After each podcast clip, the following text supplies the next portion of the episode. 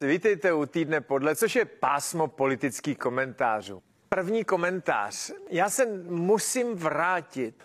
Víte k čemu? K cenám, k inflaci. Všimli jste si mimochodem, že za jeden týden v průměru, v průměru stouply ceny pohoných hmot, to znamená benzínu a nafty, zhruba o 3 koruny. A do toho přijde zpráva, že statistický úřad uveřejnil čísla za září, jo? máme teď 14. No, 13. října a oni zhruba s desetidenním spožděním vždycky uveřejní čísla za ten minulý měsíc. A průměrný zdražení, tedy míra inflace, činí 18% meziročním srovnání. Jo? Září 21, září 22, o 18% víc. Faktem je to, že průměrně o 18 Fakticky je to samozřejmě víc, protože ten průměr se počítá z toho CPI indexu, což je seznam několika set položek, který většinou nekupujete, ale aby to bylo jako spravedlivý vůči všem obyvatel, aby to byl obyvatelům, aby to byl jako průměr toho, co obyvatelstvo kupuje, tak se to tak nějak zprůměruje. Několik set různých položek zboží a služeb a podobně se porovnává z roku na rok a z měsíce na měsíc. Jo. Prakticky je to tak, že naprostá většina domácností kupuje pořád stejné věci, jako jsou energie, nájemné, potraviny, dětské boty, dětská ob, dětské oblečení, výjimečně svoje oblečení, benzín na chatu a tak. A tady v těch případech takový standardní spotřeby rodin, jo, si ne, nekupujete novou střechu, že jo, každý rok a tak, tak to zdražení je daleko větší. A já bych tady měl několik poznámek. Tak ta první. Česká národní banka se tváří, že to bude v pohodě, že zhruba do roka a půl se z těch 18% stanou procenta dvě. A vychází z relativně jednoduchého předpokladu. Inflace je vysoká všude v Evropě. Jasně. Pravda je taková, že v Anglii je 9%, ve Francii 5%, ano, v Holandsku je poměrně vysoká. Tam je až 17% a mimochodem i holanděni jsou z toho překvapení a říkají, no tak my vlastně nevíme přesně, proč to je a budeme to zkoumat. Pravda je ovšem taková, že po pobaltských státech, zejména po Litvě, je Česká republika jako nejhorší nejdramatičtěji stoupají ceny. Tak a Česká národní banka říká, je to všude. Tak, jak to přišlo, tak to odejde. Nějaký prudký pohyby nemá cenu moc dělat, protože přišla inflace, inflační tlaky a oni zase odejdou. Naše prudký pohyby, když by to bylo zvyšování úrokové sazby a tak, jsou k ničemu. Úrokovou sazbu už máme vysokou, 7% tu základní, oni jsou tři základní, ale tu základní. Zvyšovat to vejš je nesmysl. To bychom dusili ekonomiku a zdražovali hypotéky a takovýhle. To dělat nebudeme a ono to zase odejde. Druhým inflačním faktorem je schodek státního rozpočtu.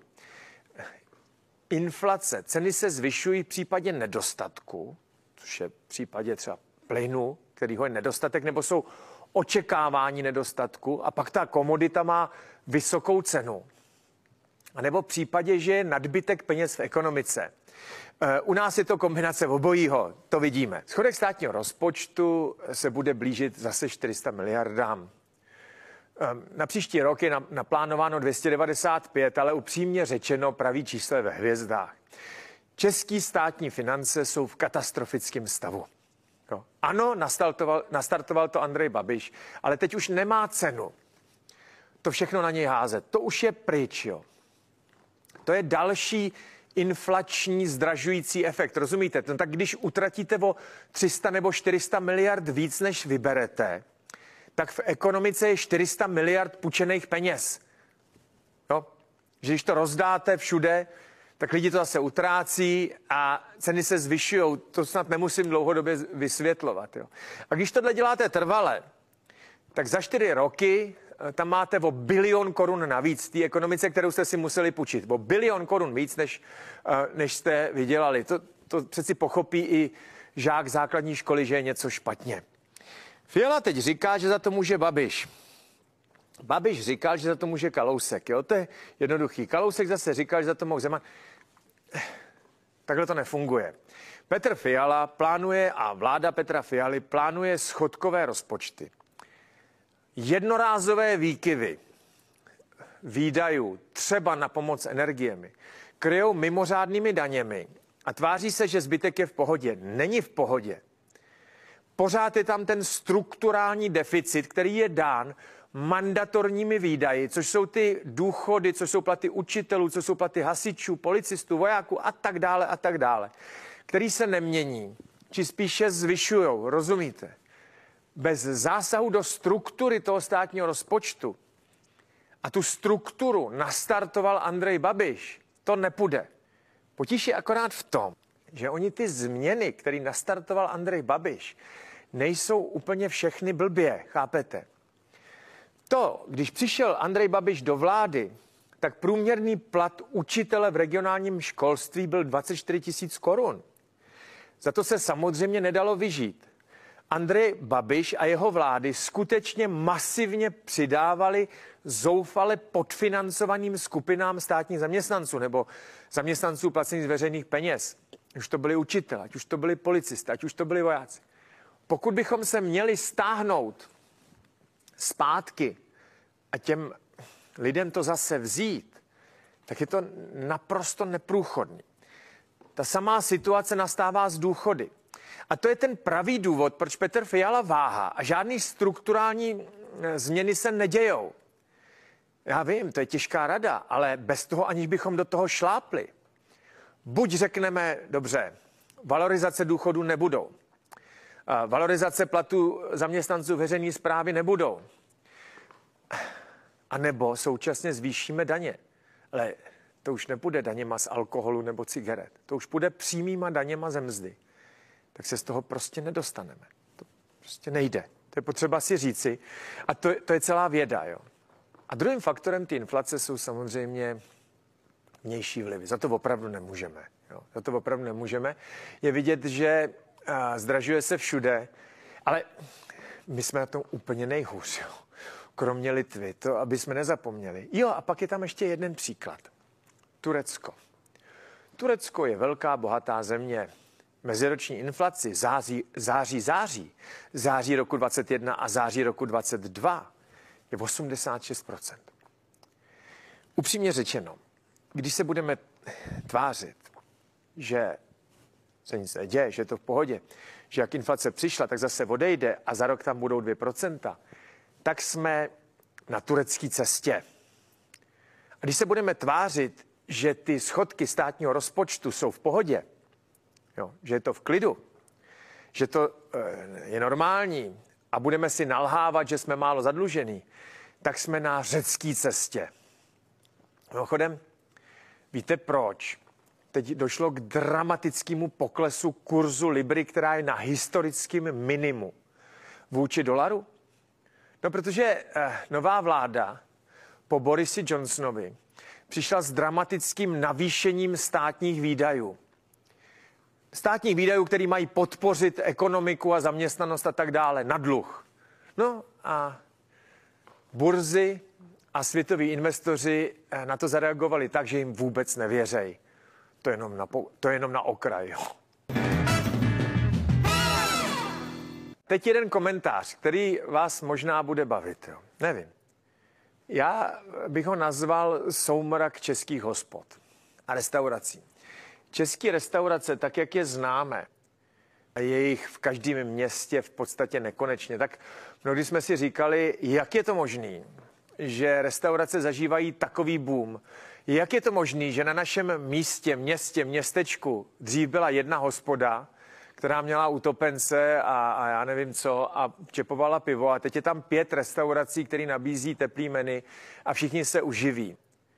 Je to pravda, ve velkých městech v eh, Brně a tak ten gastronomický průmysl udělal obrovský pokrok. Jo. Je pravda, že kuchaři se naučili vařit a lidi se naučili zvykat na nový chutě, jo. že nechtěli pořád ten guláš nebo segedin, uh, že si zvykli těstoviny s tím a dáme si rybu a s tamtím a tak. Že si začali zvykat na světovou kuchyni. To je všechno dobrý. Ale ta nabídka uh, je vysoká. Když se teď v týdnu projdete po městě, ne každý z vás to má, má tu možnost, protože je v práci, tak restaurace, který ještě před covidem nebo před rokem eh, v poledne hučeli jak úly, jo, tak jsou poloprázdní. A hoteliéři, restauratéři si začínají hromadně stěžovat, že takhle to dál nepůjde. Že jim to nevychází, že prostě prodělávají, že drahé energie. Jasně. Každá restaurace spotřebovává spoustu energie, protože musí vařit, protože musí chladit, protože čepuje pivo, který musí být chlazený. To je, to je jasný. Protože nájmy, jasně. Protože covid, jasně, lidi si odnaučili chodit do restaurací, víc si vaří doma, berou si jídlo do práce, do krabiček, jasně. Protože stravenky, ano, Alena Šilerová velmi výrazně omezila ten stravenkový biznis, jo. Ale Tady je potřeba říci, že, že to bylo celkem oprávněný. Jo? No tak eh, každý zaměstnanec měl, já nevím, 150 korun na den eh, ve stravenkách, těch papírových lístečkách, který oni si brali provize a odčítalo se to od základů daně. Alena Šelerová velmi zjednodušeně do tohohle skočila a tu velkou daňovou výhodu těch stravenek jakoby nezrušila, ale velmi výrazně omezila. Jasně, to znamená, eh, lidi teď váží, nemají už tu stravenkový biznis, nemají už ty papírky, prostě, které dostávali k výplatě a věděli, že je můžou projíst a nebo na ně koupit nedělní nákup, ale na obědy nikdo moc jako nepočítal. A tohle všechno jsou faktory, které jako drasticky sáhly do hospodaření hospod a restaurací. Menička v Praze v podstatě nemáte šanci teď získat pod 170 korun, jo. To polední meníčko. Někde jsem četl, že nejlevnější menička jsou v Olomouci, ale hodně to jde přes 100 korun, jo. Což jako takhle, 170 korun za polední menu. Většina lidí už si jako rozmyslí, jo. 150 korunový e, menička, to už je prostě hodně. Lidi si na to odvykli, být si vařej, nosí si jídlo e, z práce a hlavně už nemají ty stravenky. Jo.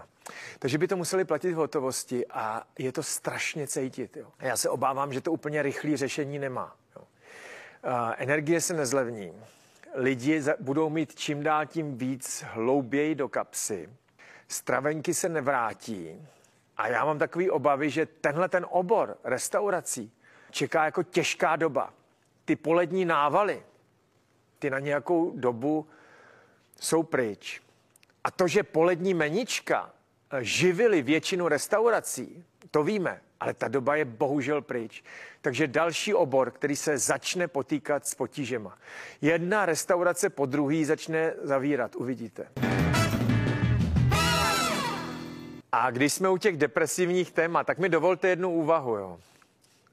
Každý člověk, a ty, teď budu mluvit zase, teď budu mluvit o dovážkových službách, jo, o tom, o všech těch firmách dáme jídlo a, a, a já nevím, jak se to všechno jmenuje a Uber Eat a, nebo ty už tady nejsou, ale další a další dovážkové služby e-shopy, různý zásilkovny, MOL.cz a já nevím co, jo.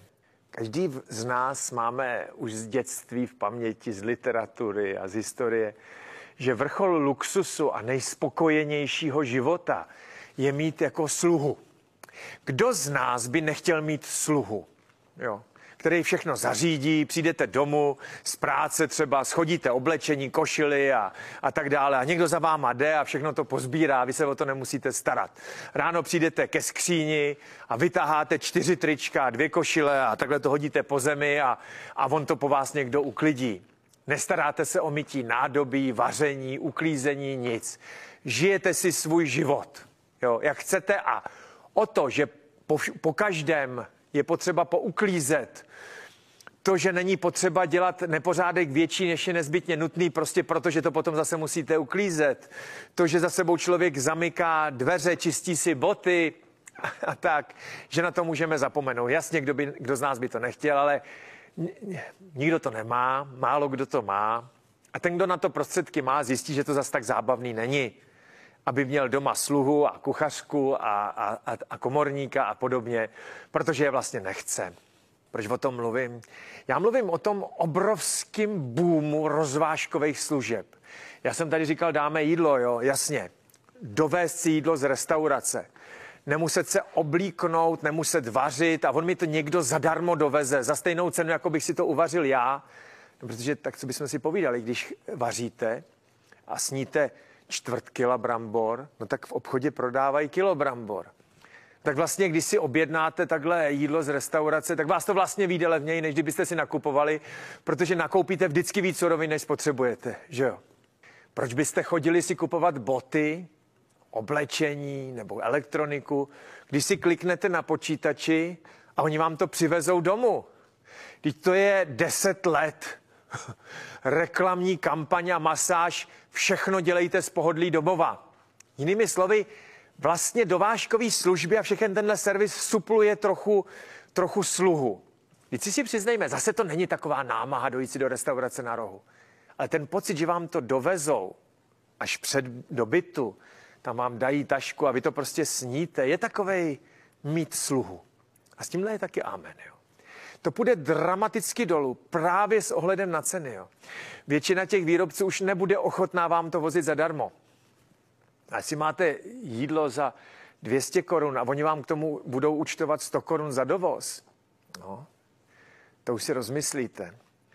Jestli dovoz z e-shopu, poštovné a podobně půjdou takhle dramaticky nahoru, tak možná už si rozmyslíte, že si pro ten nový mobil nebo kabel do mobilu skočíte. On stojí 150 korun ten kabel. Jestli máte platit 100 korun za to, že vám ho dovezou, to už si jako rozmyslíte. No byl to hezký sen, že nebudeme muset uh, nikam chodit a že nám všechno dovezou a budeme mít tak trochu sluhy, že jo? Ale když vidíte ty ceny benzínu, ceny aut, ceny všeho, eh, tak ono to dovážení zadarmo prostě už zadarmo nebude. Tak a teď další komentář. Když si lidi stěžují, že se nemají dobře, a že mzdy nejsou vysoký a že je to komplikovaný se uživit, tak vždycky v této době vyběhnou z nějakého důvodu žebříčky, Rozumíte, žebříčky, jak dlouho trvá zřídit si firmu nebo získat živnostenský list a podobně. Jo. A e, vždycky na tom neví, nevídeme jako dobře. Byly doby, kdy založit firmu trvalo půl roku, to je fakt jako napitel, jo. Půl roku je moc. Jo. Teď z těch žebříčků vychází, že u nás si zřídit firmu trvá v průměru 25 dní. A hned je k tomu hromada komentářů, a teď se budu zastávat vlády, jo že je to hrozný, že kdyby to trvalo kratšeji, tak by se lidem dařilo lépe a byli by podnikavější, že by bylo víc firem a víc peněz mezi lidma, který by víc vydělávali a to je hrůza. Musíme to zkrátit. Tak klídek, jo. Klídek. Tady se zastávám vlády, prosím vás. Jestli někomu vychází, že v nějakém žebříčku založit si firmu v České republice trvá 25 dnů, a že jsme prej, já nevím, druhý nebo třetí nejhorší v Evropě, tak se uklidněte. Založit si firmu je jedna věc, aby ta firma začala fungovat a vydělávat je druhá věc. Jestli máte nápad, který si myslíte, eh, že vás uživí, jo, já nevím, můžete mít nápad, že si koupíte citron ve velkou obchodu, strčíte do něj sladký brčko, když z toho budete sosat tu šťávu, tak bude sladkokyselá zadarmo, říkám, bezvadný nápad. A když ten citron předtím strčíte do lednice, tak to ještě bude chlazený, jo, tak super. Tak jestli máte nějaký podobný nápad, jak začít podnikat, hejte, tak on ten 26. den, jo, bude fungovat zase, to je celkem jedno. Jestli tu firmu založíte za 18 dní, 17 nebo 25. Takže se uklidníme. Zakládání firm v České republice netrvá moc dlouho, 25 dní je v pohodě. Jestli je to někde za 17, tak to tam mají trochu lepší, ale jestli jste se rozhodli podnikat a budete mi říkat, já jsem chtěl podnikat, já jsem chtěla podnikat, ale protože založit tu firmu mi trvá 25 dní, tak jsem se rozhodla nepodnikat. Milá vládo, to jste ale lumpové. Kdyby to trvalo 18 dní, tak bych podnikal nebo podnikala, ale protože to trvá 25, tak podnikat nebudu. Tak kecáte. Tak a teď krátký komentář k důchodům, k odchodu do důchodu. Víte, my máme takzvaný průběžný důchodový systém. To znamená, ty, kteří aktuálně pracují, tak platí sociální pojištění, z kterého se uh, vyplácí důchody těm, kteří už nepracují. Důchodový systém v České republice je teď v těchto letech nebo v tomhle roce v plusu. Jinými slovy, lidi platí víc, než ten důchodový systém vydá, ale to se každý rok mění, na to nelze dlouhodobě spolehnout. Je tady jeden strašák, jmenuje se Soukup. Ne, Soukup a moji kamarádi, respektive můj ročník. Těm se říká Husákovi děti. Zhruba mezi lety 1970 a 1974 tady byl obrovský populační boom. Já to jenom krátce vysvětlím. Gustav Husák, proto se jim říká Gusta, Gustávovo děti nebo Hustákovo děti. Jo. Z, jako prezident republiky samozřejmě to přímo nezaváděl, ale zaváděla to vláda a tehdejší komunistická strana poměrně masivní systém na podporu porodnosti. Ten spočíval v zavedení novomanželských půjček a hlavně výstavby panelových bytů. Jo. Najednou bylo dostupné bydlení pro tisíce mladých rodin, protože se masově stavěly a kolaudovaly panelové byty v Praze, Plzni, no všude, všechny ty bytovky, které se masově stavěly. To byla vládní podpora porodnosti, protože lidi měli kde bydlet, ty mladí, mladí lidi. A taky byly e, ty novomanželské půjčky a tak dále. A populace na to tehdy e, na začátku 70. let zareagovala tak, jak se očekávalo. Rodilo se hrozně dětí, takže naše ročníky, já jsem ročník 69 a dejme tomu do, do toho roku 1974-75 jsou strašlivě silní. A ten, ty Husákovo děti jsou pro každého počtáře důchodu hrozný strašák, jo. Protože až my, Husákovo děti, začneme odcházet do důchodu, no tak ten systém těch, ten průběžný systém začne havarovat. To je relativně jednoduchý, rozumíte? My, Husákovo děti, kterých je hrozně moc, protože tehdy byly paneláky a novomanželské půjčky, prodloužená mateřská dovolená, všechny tyhle ty věci. Půjdou do důchodu a je nás moc. A těch, kteří budou aktuálně pracovat, bude málo, takže ten důchodový systém bude v obrovském deficitu. To všichni vědí. Takže to, že to teď je jinak, je dobrý, akorát mají děs z toho, až Soukup a jeho kamarádi půjdou do důchodu. No, mě je 53. Podle stávajících pravidel měl, bych měl jít do důchodu za 12 roku a toho oni se nejvíc bojejí. Jo. A teď přemýšlej, co s tím mají udělat. No tak eh, buď zvednou to pojištění, jo, a nebo mi řeknou, eh, že se o sebe mám postarat sám. Zdá se, že B je správně, jo. Protože Marian Jurečka jako ministr práce a sociální věcí teď říkal, že ten strop odchodu do důchodu, který je teď 65 roků, se bude muset zvednout právě s ohledem na Husákovo děti.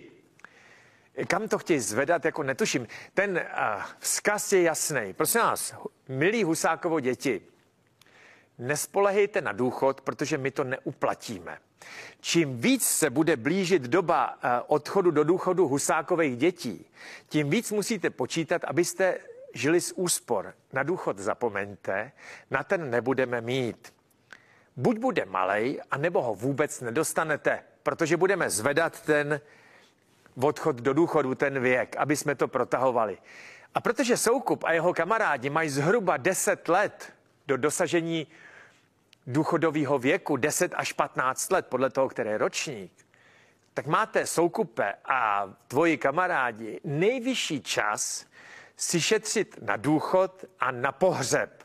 Protože jestli si myslíte, že vás necháme ausgerechnet v 65 odejít do důchodu a budete se mít dobře, tak se mílíte. Taky se vám může stát, že u kancelářských profesí, možná u všech profesí, bude věk odchodu do důchodu 70. Pokud se ho dožijete při usilovné práci, tak si možná rok, dva ten důchod potom užijete. Tak uvidíme.